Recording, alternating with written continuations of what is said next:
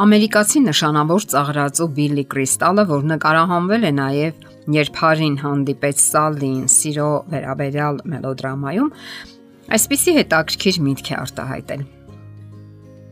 Ես ցանկանում եմ մտածել, որ դրախտը իսկապես գոյություն ունի, եւ այն սկսվում է մեր կյանքի ամենաերջանիկ օրվանից։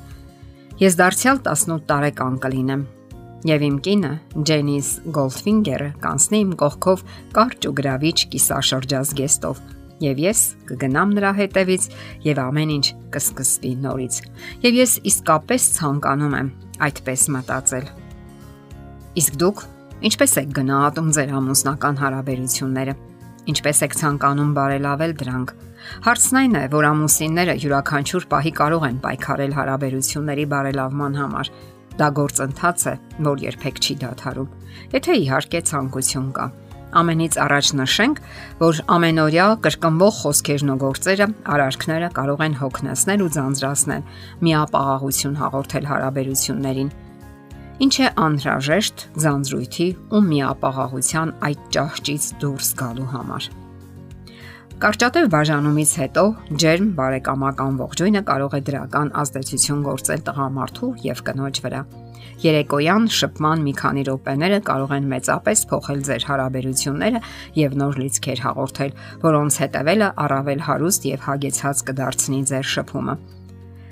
Կարող եք գործի դնել ձեր երևակայությունը։ Պատկերացրեք ձեր հանդիպումը աշխատանքային հոգնեցուցիչ առօրյայից հետո, թե ինչպես եք դիմավորելու նրան մտածեք ինչ որ հաճելի բանի մասին։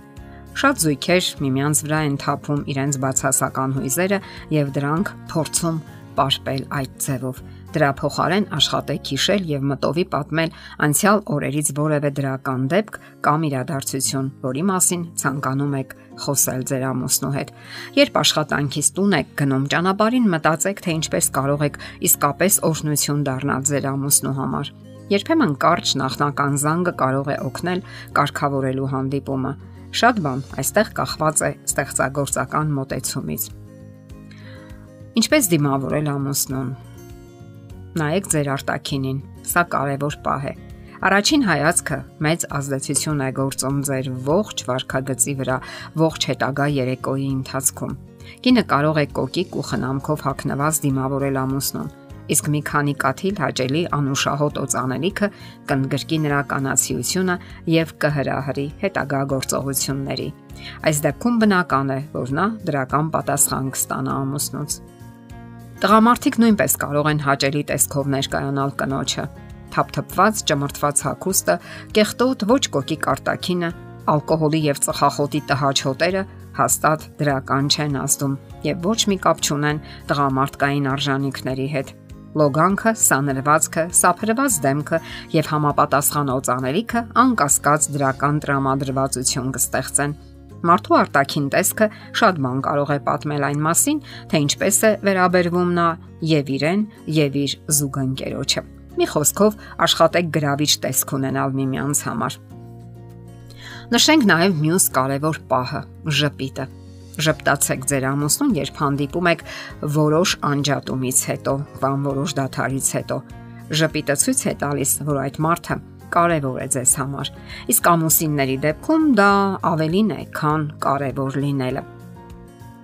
Այո, ժպիտը շատ ավելի հրաշալի ձևով կարող է ասել ես քեզ սիրում եմ, քան ցանկացած նվեր Ժպտացեք միշտ, པարզ ու անկեղծ։ Ժպտացեք, եթե անգամ ցանկություն կամ տրամադրություն չունեք։ Բոլոր դեպքերում իհարկե կարևոր է անկեղծությունը, սակայն կարևոր է նաև ցանկությունը, կամային ջանքերը։ Հիշեք նաև երեկոյան րոպեների մասին։ Եթե դուք այդ ընթացքում տրամադրվեք, ջանքեր գործադրեք եւ ժպիտով դիմավորեք ձեր ամուսնուն, ապա ողջ հետագա ընթացքում դրական մթնոլորտ կապահովեք։ Դրանից հետո դրական հույզերը կծնվեն ինքնին, իսկ բացասականները կմարեն։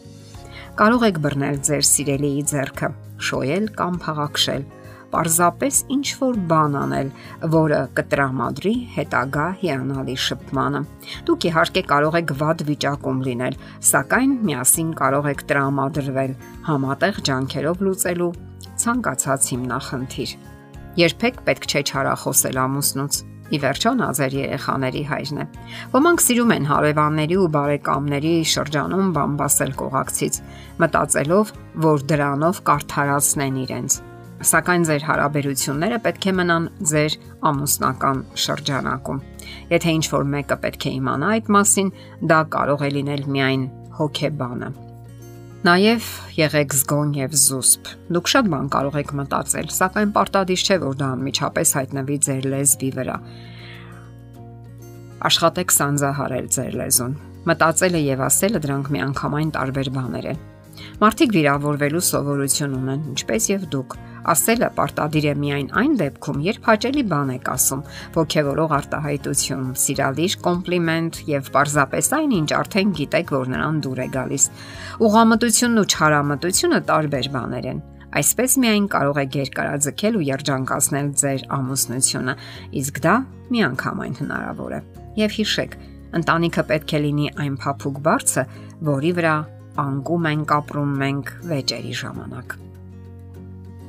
Եթերում ընտանիք հաղորդաշարներ։ Հարցերի եւ առաջարկությունների համար զանգահարել 033 87 87 87 հեռախոսահամարով։